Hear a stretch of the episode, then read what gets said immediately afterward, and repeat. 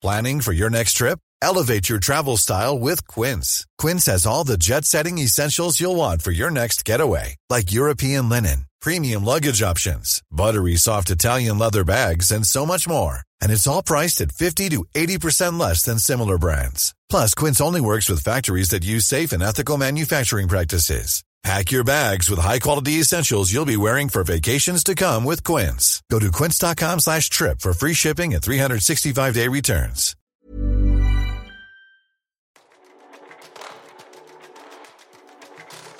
Hei og velkommen til Landsbetter Co., podkasten som tar pulsen på hvordan digitalisering og teknologi påvirker våre liv og næringsliv, og det på godt og vondt. Denne episoden presenteres av Juvil. Juvil er en digital plattform for utleie av eiendom til film, TV og reklame. Registrer deg gratis nå på juvil.no. Det er da uveil.no. I årets første episode av Oppgradert så kom Eirik og jeg litt innom NFT-er, om non-fungible tokens, som Samsung da hadde lagt til rette for i bl.a. sine The Frame TV-skjermer. For her var tanken at du via NFT, kryptovaluta og blokkjedeteknologien så skal du da kunne kjøpe deg nye bilder til din Frame TV. I Samsung-tilfellet skal det visstnok være mulig å kjøpe NFT-bilder uten å måtte gå gjennom den tunge, komplekse og usikre veien, hvis du vil, som det er å skaffe seg både en krypto-lommebok og så kjøpe seg litt kryptovaluta, for så å handle lisensen, eller da eierskapet, smartkontrakten, over et bilde til din TV. Hvor enkelt det skal bli, og når det blir mulig, har Samsung ikke sagt noe om på det nåværende tidspunkt. De sa heller ikke noe om at NFT-er på det nåværende tidspunkt mest av alt handler om FOMO, altså Fair of Missing Out, og mest av alt minner om ren ponzi-svindel og pyramidespill, men at det kan representere morgendagens måte å handle virtuelle, digitale, uekte, fiktive, falske varer på. Og det er sistnevnte vi skal ta en prat om nå. Og da med Thomas Moen, som mange sikkert kjenner som sosiale medier-eksperten, Facebook-markedsføringseksperten, bloggnestoren som f.eks. kom opp med begrepet rosa-blogger, og ikke minst da daglig leder av av Monoco, som hjelper norske SMB-kunder med å lykkes med Facebook-annonsering, og derav da hans egen podkast 'Suksess med Facebook-annonsering'. Men vi skal ikke snakke om Facebook-annonsering, men som sagt om NFT-er, kryptovaluta, digitale lommebøker, blokkjedeteknologien osv. Men hvorfor akkurat Thomas, tenker du kanskje? For mitt vedkommende så er det egentlig ganske enkelt. Thomas har kasta seg litt inn i NFT-verden. Han har investert i flere NFT-er, og han har også solgt et par stykk, samtidig som han ikke er en NFT, kryptovaluta eller blokkjedeteknologiekspert som sådan. Og Derfor begynte også samtalen vår der. Altså, Hvorfor har han engasjert seg i NFC-markedet? Hva er en NFC? Hvorfor tror han det er fremtiden? Og ikke minst, hvordan går man fram for å komme i gang? Jeg har alltid vært interessert i å følge med på nye ting, nye trender, nye ting å ha forståelse for. Det har jeg liksom gjort hele karrieren min med å være nummer 374 på Twitter i gamle dager i Norge og liksom masse, masse ting. ikke sant? Og, og da eh, med, med å ha eh, kryptovaluta, så har jeg hatt det egentlig siden jeg lå i et badekar på Hovden hos min mor, og så kjøpte jeg for et par tusenlapper for Ethereum og bitcoin i sånn 2016 eller noe sånt. Og så har jeg syntes at det har vært interessant å bare følge med på videre utover det. Men ikke noe sånn, sånn supernerd eh, på det. Men eh, det var faktisk når disse NFT delen begynte å komme opp i, i slutten av 1920. Det ble mer og mer prat om dette med NFT-er. Jeg syntes det var liksom spennende å prøve å forstå hva er dette oppi det hele.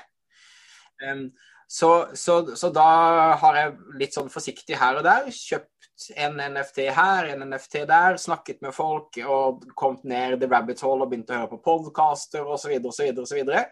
Og så er det jo egentlig de siste månedene at man har begynt å snakke om det som Web3. At den liksom, alle begynte å bruke den definisjonen på Web3. Og tror jeg vi har snakket om Web3 på tre forskjellige måter tre ganger på tre år. Altså, men nå er liksom krypto og NFT er, er det eh, folk kaller Web3 i, i, disse dager. Ja, Den litt mer desentraliserte utgaven av internett igjen, da, som for så vidt Web 1.0 var? Ja, ja, absolutt. Og du, du kan si det, Hvis man snakker om teknologi og den type ting med en gang, og prøver å forklare når jeg skal fortelle til min mor hva liksom krypto og NFT-er osv. Altså det jeg syns er interessant med dette, det er, det er, to ting. Det ene er jo eh, altså Selve blokkjein-teknologien handler jo om å, at flere datamaskiner sitter på en måte på sannheten, databasen av hva som har skjedd, og ting logges. og Det er, det er vanskeligere å jukse, og det er vanskeligere å ha ugler i mosen på mange måter. Eh, det er i hvert fall veldig offentlig på en måte, altså, Så ting spres på flere steder, og det er interessant for visse typer ting. ikke sant?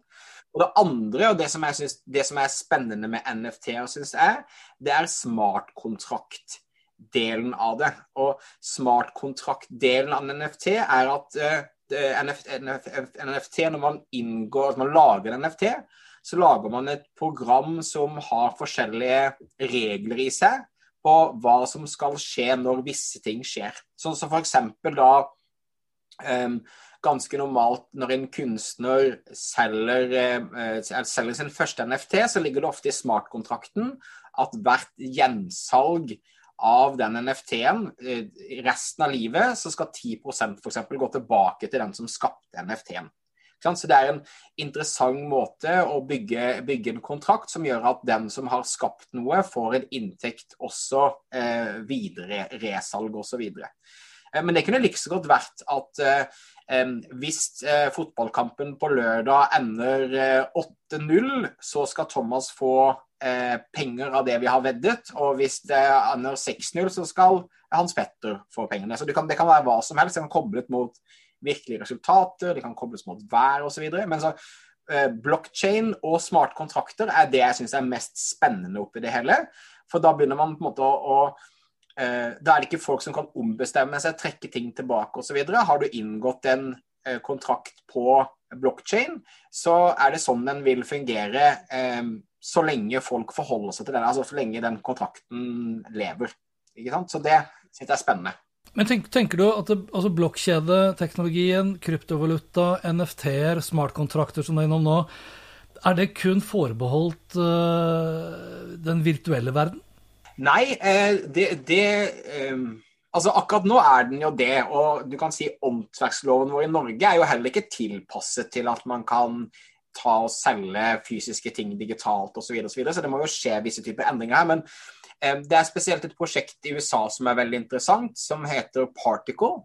Der det er eh, noen veldig kunstnerder som har gått inn og kjøpt en eh, Banksy-maleri til 125 millioner dollar eller et eller annet i den duren.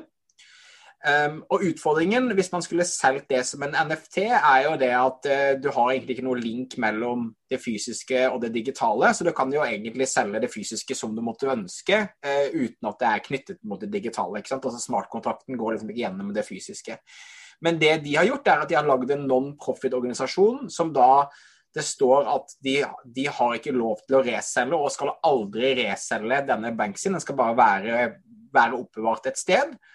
Og så lager de da 10 000 NFT-er som er små deler av denne Banksien, som de da selger ut i communityet sitt. Og da har du da, Alle som har denne NFT-en, får også da lov til å komme inn på museet og se sin Banksy. Ikke sant? Så da, da, da, kjøper du tilgang og du kjøper eksklusivitet med å gjøre det på den måten. Så Det er kanskje en av de prosjektene som har kommet lengst i forhold til å adressere det fysiske og det digitale.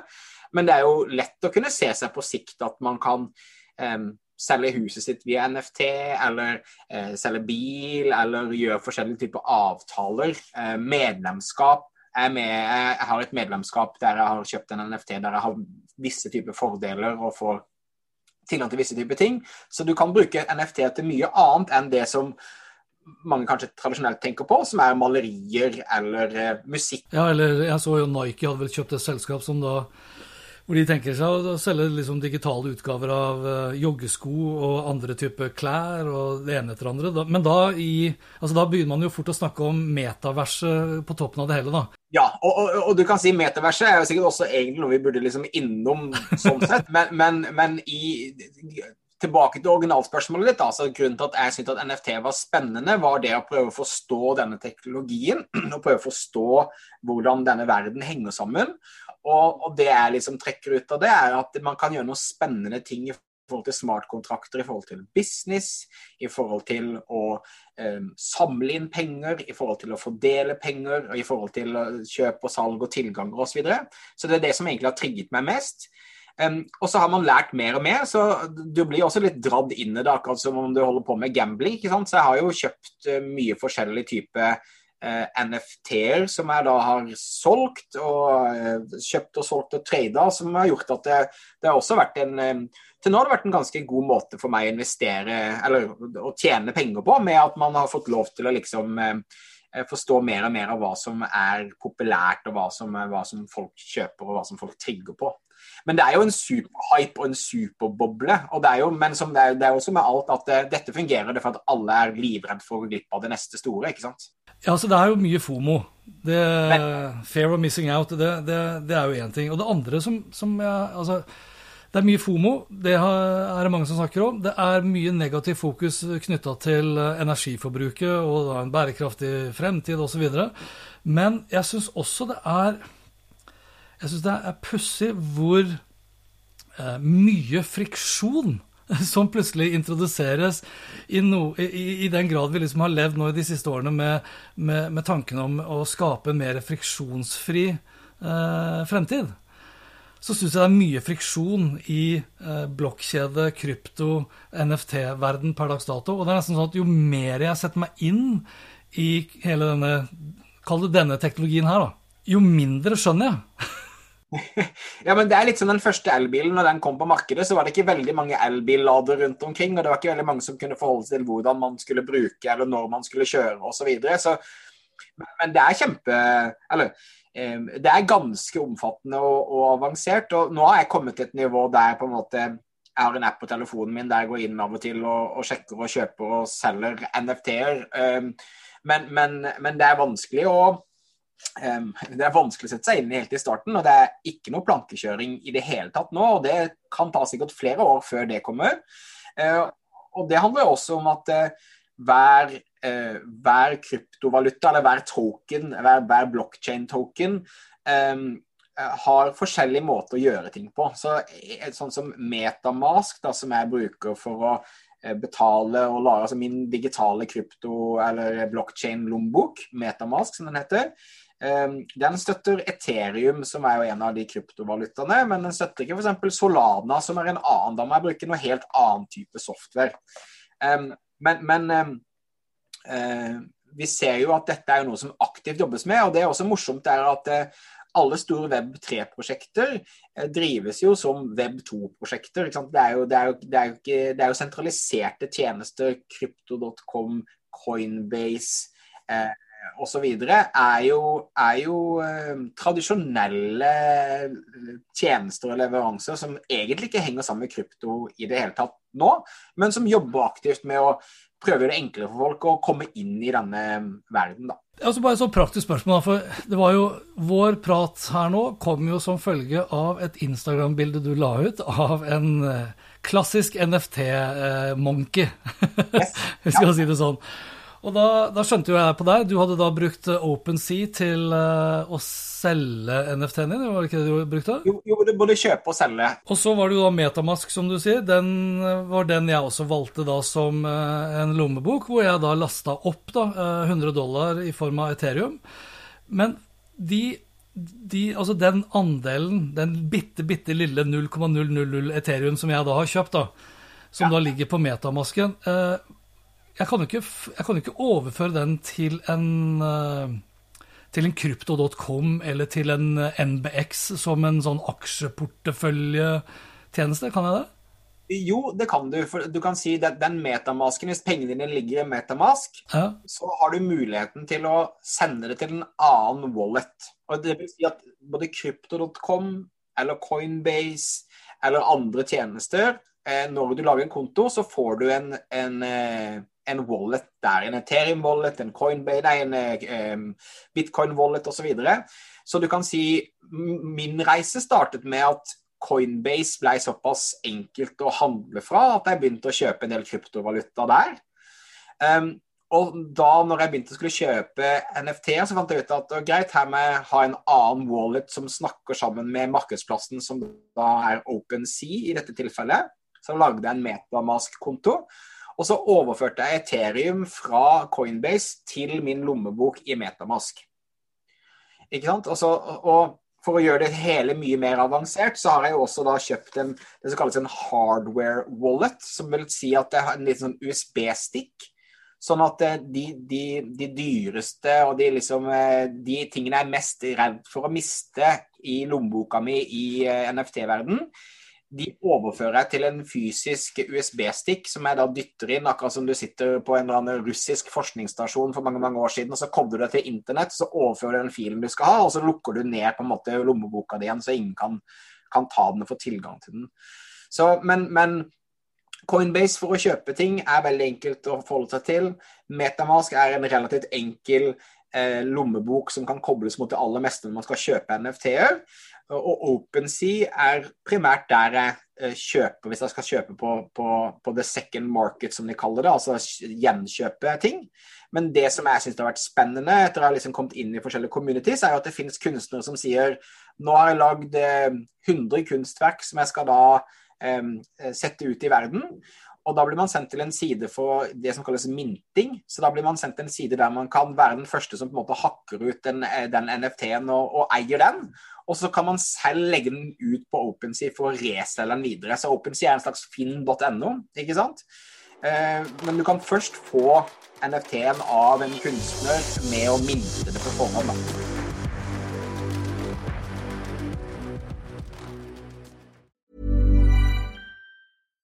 My business used to be weighed down by the complexities of in person payments. Then, Tap to Pay on iPhone and Stripe came along and changed everything. With Tap to Pay on iPhone and Stripe, I streamline my payment process effortlessly. Now I can accept in person, contactless payments right from my iPhone. No extra hardware required. What's truly remarkable is how I can cater to all of my customers' payment preferences. Whether they're using cards, Apple Pay, or other digital wallets, Tap to Pay on iPhone and Stripe ensure a smooth checkout experience every time. And it's not just me. Stripe helps businesses of all sizes, from local markets to global retailers, scale quickly and stay agile. To learn how Tap to Pay on iPhone and Stripe can help grow your revenue and reach, visit stripe.com/tapiphone.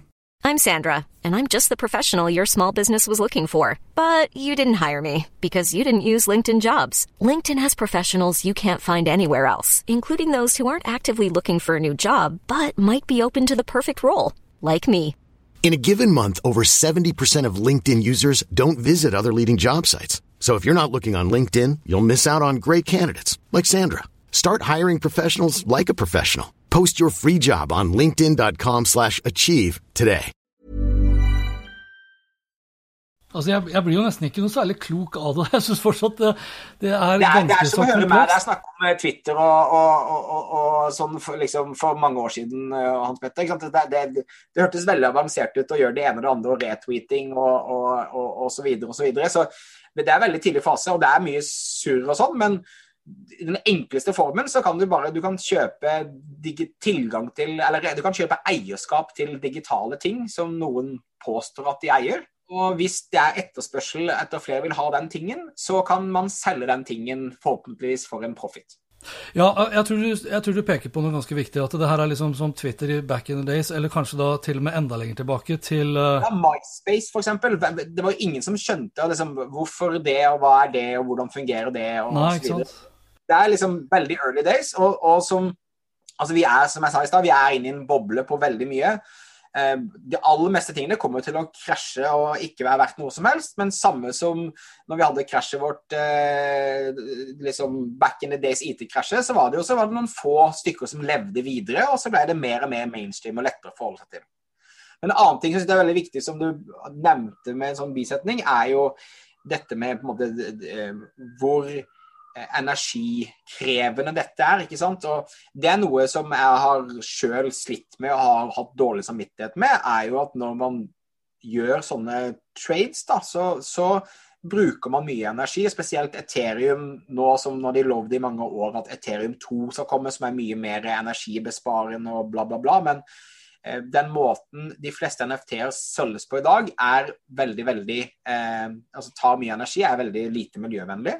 Det er noe som jeg tror kommer til å løses og jobbes hele tiden med. Men sånn som ser man på f.eks. noe som heter Avalanche, som er en annen kryptovaluta, eller ser vi på Solana, så er de mer, altså mindre, tar mindre energi og er mer miljøvennlige. Og folk prøver liksom å, å peke det mot, mot, den retningen, da. Ikke sant? Men det er fortsatt veldig Um, altså, det er veldig lite effektive systemer, egentlig. og det er jo fordi at sånn som Ethereum er jo laget av et, et geni, men en, en, ung kid som bare var lei av at alle skulle bestemme. Han ville heller bare sette desentralisering og sette ting fri. Og så, så kodet han noe som han satte ut i verden som ble bare kjempepopulært. ikke sant? Og så er det, er det mye lapping og ducktaping og sånn, og så er det jo måten utviklinga av eh, krypto sånn er, er jo at uh, alle skal jo mene noe, alle skal ha, en, ha tanker rundt dette. Og så må alle bestemme seg for at nei, nå, nå går vi rundt denne delen istedenfor denne delen av en kryptovaluta. Nå overfører vi alt til en ny kryptovaluta som er Ethereum 2, da f.eks. Ja, og i og med at det er såpass himla mange kryptovalutaer også, som da uh, selvfølgelig da bærer uh, blokkjedeprinsippet bak seg, så ligger det jo i blokkjedeteknologien for at det skal være sånn tillitsløst, nærmest. da, Du trenger ikke å stole på banken lenger, du skal bare stole på at transaksjonen er reell. Så skal jo alle forbanna computere som er involvert i blokkjeden, skal jo gjennomføre den respektive transaksjonen, slik at alle sitter med sin kopi av regnskapsboka. ikke sant? Og det er klart at det er energikrevende når du da på toppen av det hele også da skal mine ut uh, kanskje 50-talls forskjellige kryptovalutaer. Det, det er derfor jeg også mener at det her lukter dotcom 2.0, men i likhet med dotcom 1.0 så forsvant jo ikke internett av den grunn. Du satt bare igjen med noen få aktører som til syvende og sist da endte igjen da, opp med at verden blei sentralisert. Så det er det jeg også lurer på i dette tilfellet her, at vi går fra en desentralisert modell hvor, eh, hvor, man har disse hva heter det, eh, distributed autonomous organizations som egentlig drives nærmest av seg selv, men at ikke det er bærekraftig over tid. Så ender man opp med at det blir sentralisert til syvende og sist igjen. Men at vi da sitter med andre former for valutaer som da er kryptobaserte. Ja, uten tvil. Og du kan si Jeg tror ting som heller å se på, er f.eks. smartkontrakter. Som ja. er, er, er er måter man kan gjøre avtaler, og man slipper escrow og overføre og stole på at mennesker godkjenner at pengene er der før man kjøper et hus eller andre dype ting osv. Jeg tror den type teknologi kommer til å bli implementert i vår, vår, vårt vanlige samfunn. Man kommer til å ta ut et par elementer som liksom fungerer bra. Så, så tror jeg mye av det vil fortsatt være sentralisert. Og så er det få ting som gjør hverdagen vår bedre hvis det blir eh, desentralisert. Ikke sant? Så, så jeg, jeg, tror jo at Eh, det vil jo coexiste, og jeg tror heller at vi kommer til å se mer og mer av bare de tanketingene som fungerer bra inni desentraliseringsverden, i blokkjein-verden, tror jeg vi kommer til å se inn i samfunnet vårt og på vanlige tjenester. For kunstnere og NFT så ser jeg klart en fordel at de får et helt annet marked å forholde seg til, og kan styre i mye større grad deres eget uh, åndsverk.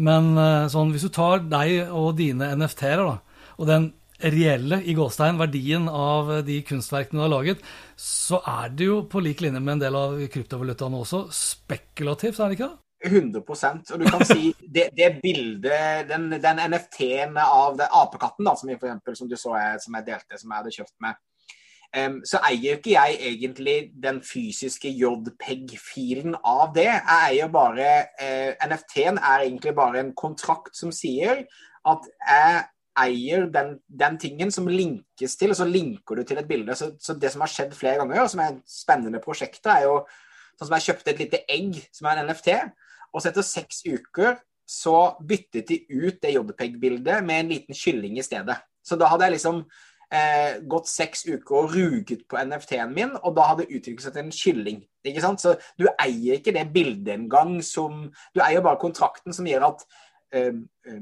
den filen som ligger på denne adressen, det er det Thomas som eier. Og hver gang noen eh, bestemmer seg for å bruke blokkjede til å kjøpe eller få tilgang til den, så bestemmer Thomas hva som skjer med den. Så Det er spekulativt, men, men, men, men du kan si noe som jeg synes er spennende. da, eh, Annen NFT-bruk enn liksom kunst og den type ting. Det er bl.a. en vingård i, eh, i, selvfølgelig i Palo Alto, som da er, har liksom Jeg tror de har sånn 36 års ventetid for å få lov til å kjøpe vinen deres eller et eller annet i den duren. Altså det er sånn veldig eksklusiv, etterlengtet eh, eh, altså lang kundeliste. De lager nå NFT-er av medlemskap. sånn at de, la oss si de har, Hvis de har 6000 flasker som de selger hvert år, da, så lager de 6000 NFT-er. Og så selger de først det ut, sånn at det er kun de som er NFT-ene som får lov til å kjøpe disse flaskene. Og så legger de inn at de skal få 10% av, av summen for hver gang disse blir solgt ikke sant? Så er det en måte for de å finansiere eh, videresalg i på en måte, kall det, i second market, da, nesten på svartebørsen, der jeg kan si at ok, men jeg vet du er interessert i dette, så jeg kjøpte det for 10 000, men du kan kjøpe det for 600 000 kroner hvis du absolutt vil ha den vinen, siden du er en Silicon Valley-nerd, håper jeg. ikke sant? Så det er bare en måte å um, for folk som, som, har muligheten til å gi folk altså Der det er begrenset tilgang på en eller annen måte til noe, så kan man lage NFT-prosjekter ut av det også. Og det syns jeg er mye mer spennende. At du med å holde en NFT, så får du tilgang til et sted, eller du får lov til å kjøpe noe. Adidas kjørte jo et svær NFT-launch akkurat, der du da får lov til å handle eksklusive eh, produkter som bare er laget til de som eier NFT-ene deres, f.eks. Alle kunne kjøpe en hoodie. Så det er ikke bare kunst, man eksperimenterer masse med dette, og det er jo pga. Liksom kraften av en smart kontrakt. Men jeg synes sånn medlemskap og sånne type ting er også veldig, veldig, veldig spennende.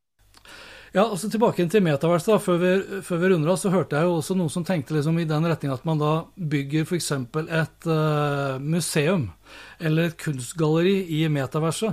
Og så må du betale inngangsbillett for å få lov å se hvilke bilder som henger inne i det museet eller det galleriet. Og der henger det tilfeldigvis da en apekatt som Thomas Moen har kjøpt NFT-en til. Og for hver eneste gang noen kommer inn i det museet og har betalt inngangsbillett og ser på ditt bilde, så tikker det inn noen eh, Enten noen ører i form av noen kroner, eller selvfølgelig da kanskje i form av da Ethereum eller hva det måtte være av kryptovaluta. Du, vi, øh, avslutningsvis øh, For de aller, aller fleste vet vi jo ikke har verken kjøpt kryptovaluta, ikke har et stort forhold til NFT-er. Har du noen tips om hvor eh, lytterne burde starte for å lære seg litt om uh, hvordan komme i gang? Ikke bruk penger du ikke kan miste. Det er som å ringe til en eller annen fremmed eh, person på gata som skal gå og kjøpe eller fikse et eller annet til deg. Vær beredt på at dette er penger du kan miste. Så, så liksom Det tror jeg du må tenke på først de, den, altså, jeg har fått min mor til å kjøpe krypto nå. Uh, og det, det, Den enkleste måten å gjøre det på, er å laste ned en app på telefonen som heter Coinbase. Så må du verifisere hvem du er osv. Koble til bankkontoen din og sånn. Men det er en veldig god, trygg måte å kunne kjøpe for 10 kroner eller 100 kroner eller 1000 kroner i forskjellige typer kryptovaluta. Som er måten å liksom komme inn i denne verden på. Så, um, og da kan du jo da enten på, på, på hver av disse kryptovalutaene du kan velge, så er det linker til nettsider som beskriver hva kryptovalutaen står for, hva slags planer de har for bruken av kryptovaluta osv. Så, så du kan liksom lese deg opp hvis du ønsker det. Eller du kan bare kjøpe litt for å se hvordan ting fungerer. Og vær klar over at ting går opp og ned. så ene dagen så kan det ha gått ned 50 andre dagen kan det ha gått opp 70% Så det, det vil fortsette på en måte å svinge hele veien. Så Coinbase er en veldig trygg måte å komme inn i denne verden på. Og hvis du har lyst til å kjøpe en NFT eller se hvordan en NFT fungerer, så ville jeg eh, gått og lagd en konto på noe som heter Metamask, som er en sånn plug-in til nettleseren din, eller du kan få den på telefonen din som er en eh, kryptolommebok for Ethereum. Og den støtter en eh, markedsplass, eh, ganske likt finn.no, som heter OpenSea, der man kan handle NFT-er og kjøpe NFT-er, og selge NFT-er hvis man måtte ønske det. Så det er kanskje de tre tjenestene som jeg ville starte på. Men igjen, um, mesteparten av dette er superhypa. Mesteparten av dette kommer til å gå, gå til null. Noe av det kommer kanskje til å øke i verdi. Ehm, eh, men, men eh, det er litt som aksjer eh, spesielt, og kanskje litt som fond. Altså det, det er, ehm, ting går opp og ned, og du, du, styrer ikke dette i det hele tatt. Du, bare, du henger deg på.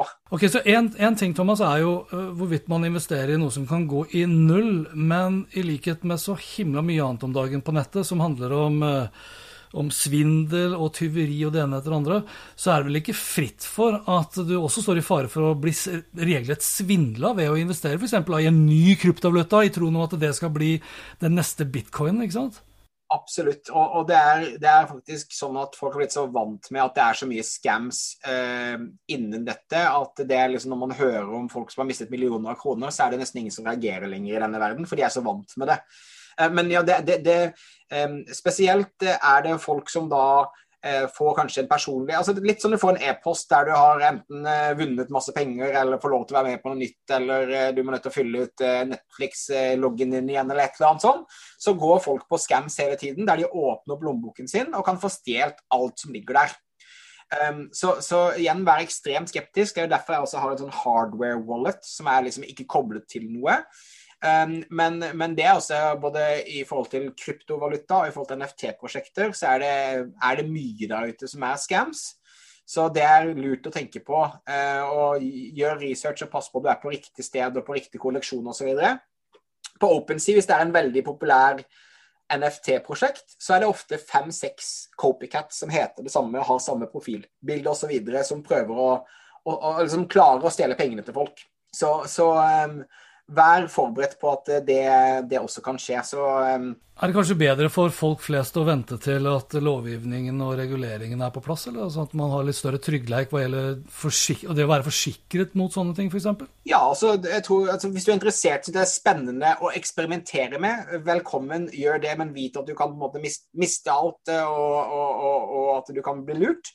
Eh, men for folk flest så mener jeg jo at eh, bortsett fra at min mor har litt bitcoin, Ethereum og Solana, så mener jeg at eh, det å holde på med NFT-er og kjøping og trading og ting og tang, det, det, det er nok ikke for folk flest akkurat nå.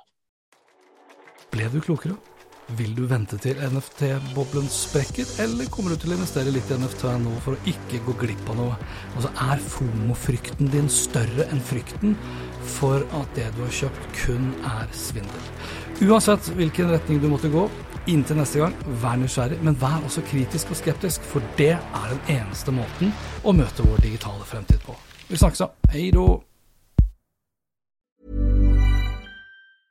The biggest names in tennis are coming to Paris for the most anticipated Roland Garros in years. Tennis Channel Plus is your place to watch. Stream every court from your phone or smart TV live in HD Experience three weeks of unparalleled tournament access as the world's top players in tennis face off against each other. Will the veteran champions continue their dominance, or will a fresh face emerge to challenge their legacy on the clay courts? Daily live coverage of this epic showdown begins Monday, May 20th. Don't miss a matchup. Stream it now with Tennis Channel Plus to be there when it happens. My business used to be weighed down by the complexities of in person payments. Then, Tap to Pay on iPhone and Stripe came along and changed everything. With Tap to Pay on iPhone and Stripe, I streamlined my payment process effortlessly. Now I can accept in person, contactless payments right from my iPhone. No extra hardware required. What's truly remarkable is how I can cater to all of my customers' payment preferences. Whether they're using cards, Apple Pay, or other digital wallets, Tap to Pay on iPhone and Stripe ensure a smooth checkout experience every time.